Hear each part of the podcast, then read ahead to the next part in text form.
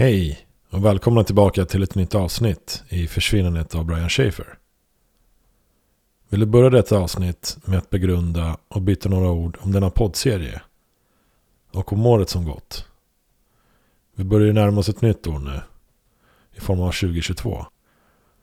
Och detta 2021 har varit tämligen händelserikt för försvinnandet av vår kära huvudperson Brian Schaefer.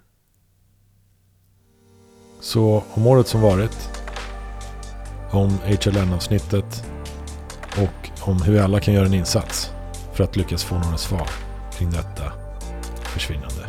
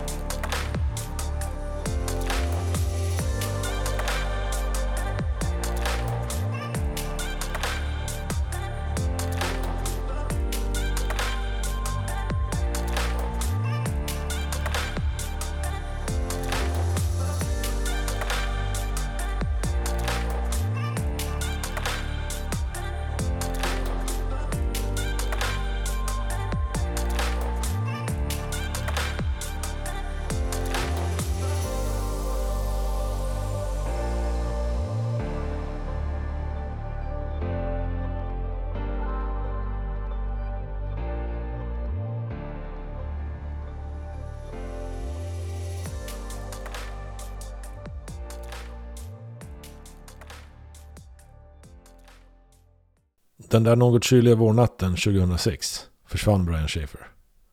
Efter att ha besökt baren Dagletona Salona gick han vid tvåtiden på morgonen i stort sett helt upp i rök. Inga spår har fram tills idag hittats och man vet fortfarande inte vad som hände honom. Men att han fortfarande kan vara kvar där ute är något som många hoppas på. Och tills man vet vad som hände eller hittar Brian Schaefers kropp så kan inte myndigheterna borta i USA med 100% säkerhet heller säga att Brian är avliden. Den 31 mars, på 15-årsdagen för hans försvinnande, släpptes så den nya sketchen på hur Brian Schaefer skulle kunna se ut idag. I ett nära samarbete mellan Ohio statsåklagare och polisens underrättelseavdelning lyckades man få fram en helt ny sketch av Brian. Man utgick ifrån bilder på bägge hans föräldrar och hans lillebror Derek. Och ut kom det här porträttet. Som tillsammans med officiella kanaler lyckades ge en välbehövlig uppmärksamhet i fallet. Hur gensvaret från allmänheten på nya sketchen varit vet vi inte. Förmodligen har det inte gett några övertygande ledtrådar, så vitt man känner till i alla fall.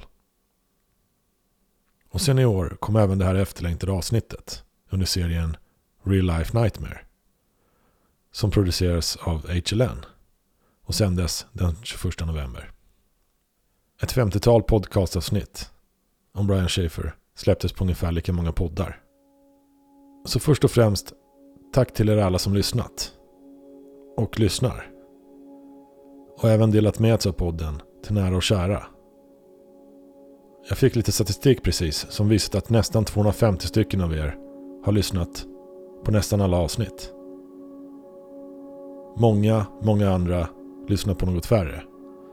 Säkert avsnitt 1-4 som egentligen förtäljer det mest väsentliga i detta försvinnande. Hur som haver är imponerande.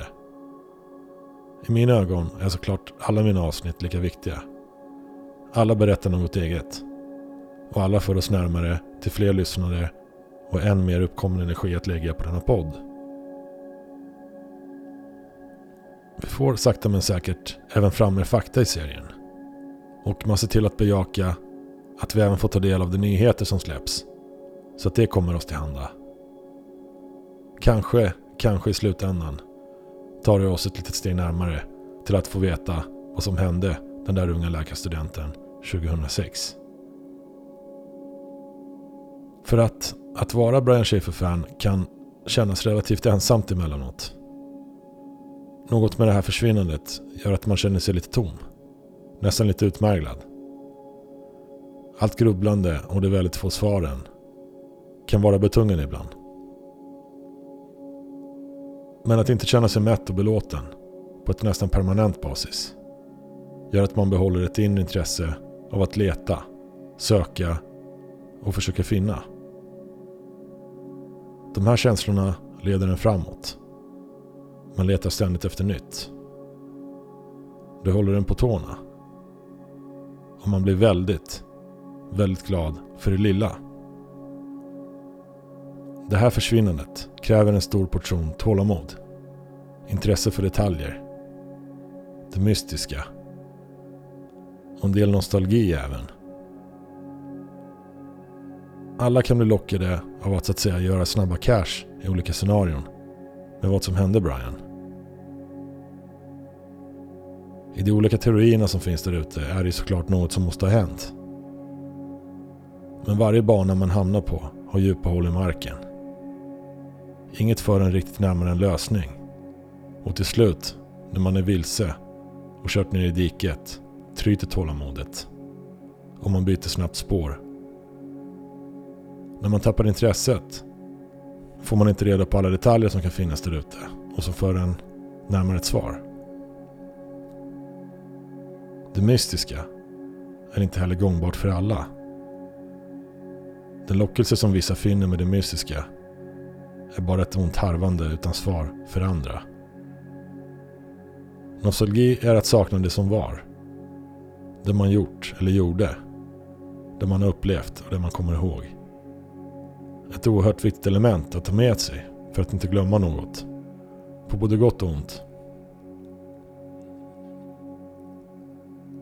I detta tomrum, som ett sådant mysterium som Brian Schafers försvinnande kan verka, finns det dock faktiskt utrymme och stora belöningar. Var och en av oss kan leka med tanken med vad som egentligen hände den här natten. Vårt antagande kan vara lika med eller bättre än den ansvarige utredarens. Ingen kan klappa en på fingrarna och säga det där är helt vansinnigt. Ingen kan ha mage att läxa upp en och säga att det där är helt fel. Kanske bara mer eller mindre sannolikt. Och på senare tid vet jag att det lyssnas för jämna där ute. Oavsett avsnitt lyssnar vi till samma sak. Samma person och samma försvinnande. Och i slutändan grubblar vi på samma sak tillsammans. Bara i olika delar, i olika perspektiv och i olika faser och perioder. Styrkan i att vara många är att om alla gör något så kan detta verkligen ta fart. Och jag kan inte begära mer än att ni lyssnar. Möjligtvis be er att dela med er av poddserien till andra och berätta om denna Brian Schafers försvinnande och lägga ut en länk på sociala medier. Eller bara sprida ordet. Ni alla oavsett gör en större förtjänst för att detta försvinnande någon gång får sin lösning än vad ni tror. För om vi går tillbaka till just mer och just nytt. Personligen tar jag gärna både och om jag hade fått välja. Och säkert många av er med. För vissa är nytt mer tilltalande. Och här blir det onekligen lite svårare. Den här biten kan man inte riktigt styra på egen hand. Här blir det lite som det blir. Det fina är dock att det nya, mycket av det nya, styrs av intresset där ute. Ju fler som lyssnar, ju fler som fattar tycke för detta försvinnande, ju mer borgar det för att det som kan allokera det där nya uppmärksammar oss. Det är här man kan göra gemensamma tag. Och något nytt fick vi höra i föregående avsnitt. Nämligen att ett helt program producerat av meriterande HLN var helt ägnat till försvinnandet av Brian Schaefer. Jag hoppas innerligt att någon av er har haft möjligheten att se programmet. Och att det i sinom tid även släpps på våra breddgrader. Den pampiga trailern över avsnittet är upplagd på Instagram. Och jag kan tipsa om att HLN även lagt ut ett längre klipp på YouTube under deras kanal HLN. Detta 10 minuter långa klipp visar hur de tagit sig an uppgiften med att bena ut detta försvinnande. Och nog är min åsikt att de gjort ett bra jobb med det. Många bekanta individer som vi hört talas om är med. Tom Corbett, John Hurst, Kelly Bruce och Laurie Davis. De flesta av dem har varit med sedan starten och ägnat många timmar åt Brian Schaefers försvinnande. Jag är även belåten att jag har ett kvitto på att det ni har fått höra i försvinnandet av Brian Schaefer är det som återgavs här. Och ni kan många fler detaljer i detta försvinnande än det som bara bekantat sig med det här fallet på avstånd. Så kom det fram något nytt eller revolutionerande i HLN-avsnittet är frågan. Och här kan man som Brian Schaefer-fan egentligen se det på olika sätt. Vi som verkligen bryr oss uppskattar uppmärksamheten först och främst. Och tar eventuellt det nya som en bonus. Grädden på moset. Ett välgjort avsnitt, oavsett fall, är spännande. Ett välgjort avsnitt om ett fall man tror sig veta mycket om blir en helt annan upplevelse. Man skär i det lite extra och försöker analysera det på ett annat sätt efter att sensationen över premiären lagt sig. Intressant blir att markera vad som sägs, men även vad som inte sägs. Här gjorde jag en liten intressant upptäckt som jag delar med mig lite senare. Vi fick en liten detalj i slutet på avsnittet av John Hurst som kan misstas för något som man tidigare hört om man inte är påläst in absurdum. Dessvärre var det inget behagligare att få veta. Men på slutet berättar John Hurst om sin dedikation i fallet. Och att alla poliser brukar ha ett fall som påverkat dem extra mycket. Brian Schaefers försvinnande var det fallet för honom. Relaterat till den här detaljen så anger han att det han egentligen ångrar i Brians fall är att under den korta tiden innan de sätter igång med deras utredning så har en del av de här sopcontainrarna i närheten av Gateway-byggnaden hunnit tömmas. Och inte bara hunnit tömmas utan också skickats till en helt annan delstat för deponering.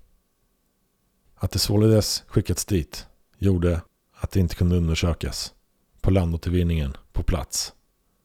Om Brian dumpats eller frivilligt lagt sig i någon av dessa containers för att sova ruset av till exempel kommer man nu förmodligen aldrig att få något svar på om det var det som hände.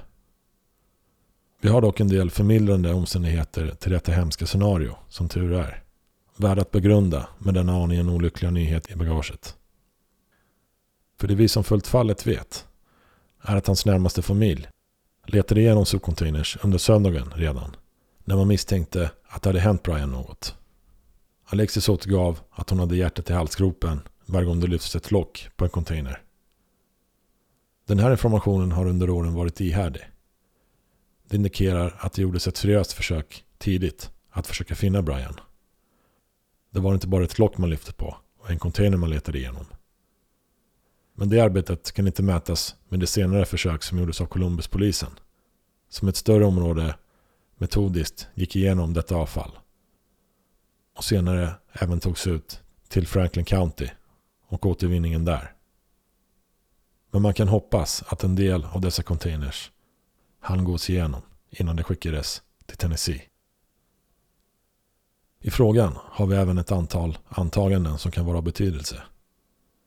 I ett scenario av att hamna i en sån här container måste flera faktorer spela in samtidigt. I händelse av en brottslig gärning mot Brian så måste Brian inte bara blivit attackerad utan även övermannad och sedan oskadliggjord utan att kunna värja sig mer eller ha möjlighet att tillkalla på hjälp. Har man då bara använt handvåld? Eller användes något vapen för att lyckas med det?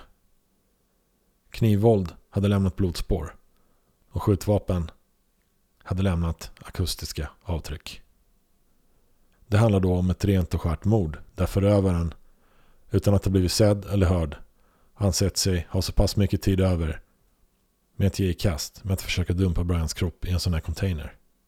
Att lyfta närmare 90 kilo dödvikt rakt upp och ner på egen hand är ingen lätt uppgift. Fanns det container till hands precis där Brian mördades? Eller fick man släppa runt på Brians kropp innan man lyckades få ner den i en container? Vad var överhuvudtaget motivet till att Brian mördades och dumpades i en sådan? Och att denna gärning utfördes på så sätt att den inte lyckades lämna några spår under vare sig tiden den pågick och att den slutade med att Brian hamnar i en Sablas container utan att någon därefter märker något överhuvudtaget. Och att sopbilen bara kommer och tömmer innehållet utan att också märka något. Och sen hamnar han i ett område som man därefter inte kan undersöka på plats. Det kan i slutändan vara en hypotes. Men det är så mycket som måste klaffa in att det lika gärna hade kunnat hända något annat från första början. Ett brott brukar lämna spår. En förövare ute på stan som oplanerat råkar ha ihjäl Brian kan inte ta vid och parera för alla möjliga scenarion som kan uppstå. Det här låter i så fall som den perfekta genomförda illgärningen i en stadsmiljö med tusentals firande studenter på gatorna. Kan Brian frivilligt ha lagt sin container för att sova ruset av sig och sedan missats och inte vaknat när det var dags för tömning x antal timmar senare? Begrundar man anledningen till varför man överhuvudtaget lägger sig en sådan så har vi en liknande incident som inträffade i Suffolk, England.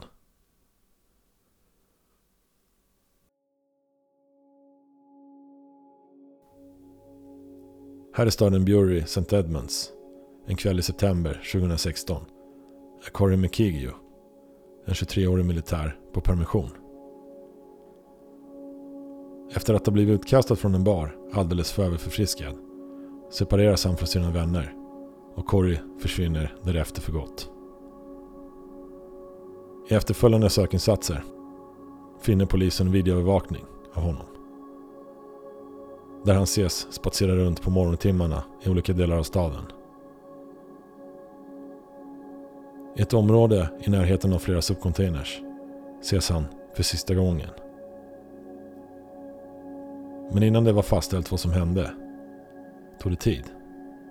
Initiala bedömningar ledde ingen vart. Sedan med tiden klarnade bilden tillräckligt för att hans anhöriga skulle få ett svar. Corey McKiggio hade lagt sig i en container och blivit bortkörd till en landåtervinningsstation i närheten.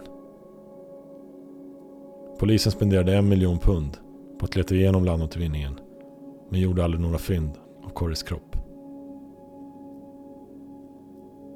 Efteråt fastslogs att sopbilen hade haft en extra vikt på 100 kilo.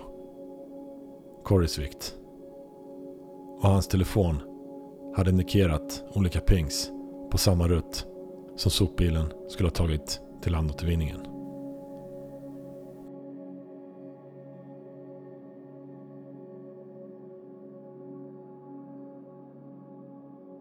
Så hur ska man bedöma sannolikheten för att detta hade kunnat hända Brian Schaefer? Till skillnad från Corey McKiggio har det aldrig funnits några indicier till att det var detta som inträffade. Columbuspolisen utredde detta spår. Men då med ett antagande att det var ett nödvändigt ont som behövde tryckas bort från listan över tänkbara scenarion. En annan liten detalj som nämndes i HLN-avsnittet handlade om en check som Brians pappa ska gett till Brian en viss tid före hans försvinnande. Den här checken på 4 500 dollar var visst direkt utställd till universitetet och skulle läsas in för att betala avgiften efter spring break. Brian löste visst aldrig in den här checken. Förmodligen för att han inte hann. Eller hade fullt sjå med allt som inträffat under den tiden med examensproven, hans mors död med mera. I avsnittet tolkas det parallellt med att Brian kanske aldrig hade för avsikt att fortsätta med studierna. Och Det kan vara en anledning till att Brian inte löste in den här checken. Det här är en sån här typisk detalj som man för in ett fack man anser passar ens teori bäst. Det kan påpekas att om Brian hade velat sticka iväg frivilligt utan att lämna några spår så hade det varit säkrare kort att betala avgiften med checken för att få det att se ut som att han hade tänkt fortsätta studera. Checken hade inte gått att använda till något annat ändå. Så det här med att säga saker på ett visst sätt, eller kanske rent av inte nämna något, kan vara mer talande än det som faktiskt sägs. I ett tidigt skede i avsnittet berättar Kelly Bruce om att vissa människor tror att Brian Schaefer kan vara kvar i byggnaden i det där omtalade byggnationsområdet. The Construction Area. Mikrofonen går då över till John Hurst som berättar att någon sagt att Brian hade kunnat hamnat bakom någon gipsskiva eller liknande. Men att det var fasta betongväggar vid tillfället. Det fanns inte riktigt någonstans där man hade kunnat hamnat i, så att säga. Sedan berättar han vidare att det letat systematiskt från taket på byggnaden ända ner till källaren och till och med i avloppsledningen under byggnaden. Det togs även in hundpatruller som hade hittat något om Brian befunnit sig där. John Hurst är fullständigt övertygad om att Brian Schaefer lämnade byggnaden den där natten. Så allt det här är en översättning på i stort sett ordagrant vad som sades om antagandet att det hade kunnat hända Brian något i den byggnaden. Och då spelar avsnittet flertalet gånger an på det faktumet att Brian inte sågs lämna Gateway-byggnaden. Mysteriet får så att säga ingen lösning. Man ältar om det faktumet med att inga kameror såg Brian Schaefer lämna. Ingen uppgav att det följt med honom ut. Ingen har hört eller sett något. Och Columbuspolisen har efter 15 år inte hittat ett spår av honom utanför byggnaden heller. Så det intressanta är att John Hurst inte tryckte på att det var en excellent sökinsats inne i byggnaden som avslöjar att Brian Schaefer inte är kvar där. För vi vet att det spenderade cirka två dagar med att leta efter honom. Och säkert var det en godkänd insats som klargjorde det tillräckligt på den tiden, när allt var ovisst, för att fortsätta med utredningen utanför. Men att nu, 15 år senare, påstå att han absolut inte är kvar där, efter två dagars letande, är intressant. För det verkar insinuera mellan raderna att utredarna har något i rockärmen som gör dem övertygade om att Brian lämnade byggnaden den där natten. Det kan vara värt att betona de nyckfulla och kryptiska uttalanden John Hurst gjort i samband med Brians försvinnande. I egenskap av ansvarig utredare för Brians fall i 13 år samt fortfarande tillgänglig och dedikerat fallet som pensionerad så måste John Hurst balansera på en väldigt tunn lina för att inte avslöja något hemligt i fallet eller bryta mot sekretessen som fortfarande kvarstår. Kan det då uppstå konstiga ordval eller meningar från ansvarig utredaren som bara gör en än mer förbryllad? Ni som är insatta vet att jag nämnt detta tidigare i olika sammanhang och genom avsnitten. 2018 berättade John Hurst på frågan om hur Brian Schaefer möjligtvis tog sig ut ur Gateway-byggnaden. The basic indication right now is somehow he got down into the construction area and most likely got exited out of there. Indikationen just nu är att han på något sätt kom ner i byggnationsområdet och troligen förde sig ut eller fördes ut. Den här frasen got exited out är inte entydigt korrekt formulerad på engelska. Då detta är kritiskt, vad kan den individ som vet mest i fallet om Brian Schaefer så att säga komma med för förklaring till detta mysterium? Så var jag tvungen att ta reda på vad egentligen den här meningen betydde. Så jag kontaktade och lät en amerikansk rättspsykolog decifrera det här uttalandet. Och hennes svar var om det är den exakta frasen detektiven använde betyder det att Brian lämnade området men i händerna på någon annan. Men det är ett konstigt sätt att säga det på. Genom att använda Gat exited skulle det innebära att det faktumet att han lämnade hände honom snarare än att han lämnade på egen hand. Jag undrar om detektiven sa fel för det är verkligen ett konstigt sätt att säga det. Om man inte talar det undermedvetet. Jag menar att det inte är ett vanligt uttryck. Man kan i slutändan tänka sig att John Hurst lämnar frågan öppen. Om hur Brian Schaefer tog sig ut. Om det var av egen maskin. Eller om någon annan kan ha gjort det. Vidare i samband med sketchreleasen den 31 mars. Så fick ett nyhetsteam tag i John Hurst. Som på frågan om Brian kunde vara vid liv svarade. Det är 25% chans att han lever och 25% chans att han är död. Varvid reporten i inslaget undrade vad som hände med de återstående 50%. Att ge sig bukt i matematiska termer för att försöka analysera det här svaret är inte lönt. Vi får helt enkelt konstatera att det finns förmodligen mycket mellan raderna i dessa uttryck. Det är därför viktigt att vara med, på tårna om det så behövs, för att få några vettiga svar i slutändan. För frågan är, Finns det något som Columbuspolisen känner till som inte vi som allmänhet gör i Brian Schiffers fall. Väldigt sannolikt. Kan den informationen, om den kommer ut till allmänheten, hjälpa knäcka gåtan med vad som hände Brian Schaefer? Förmodligen inte. Men vi har en liten indikation på vad som kan hända om bara en del av hela informationen kommer ut. Det hände nämligen den här veckan. Mer om det i kommande avsnitt.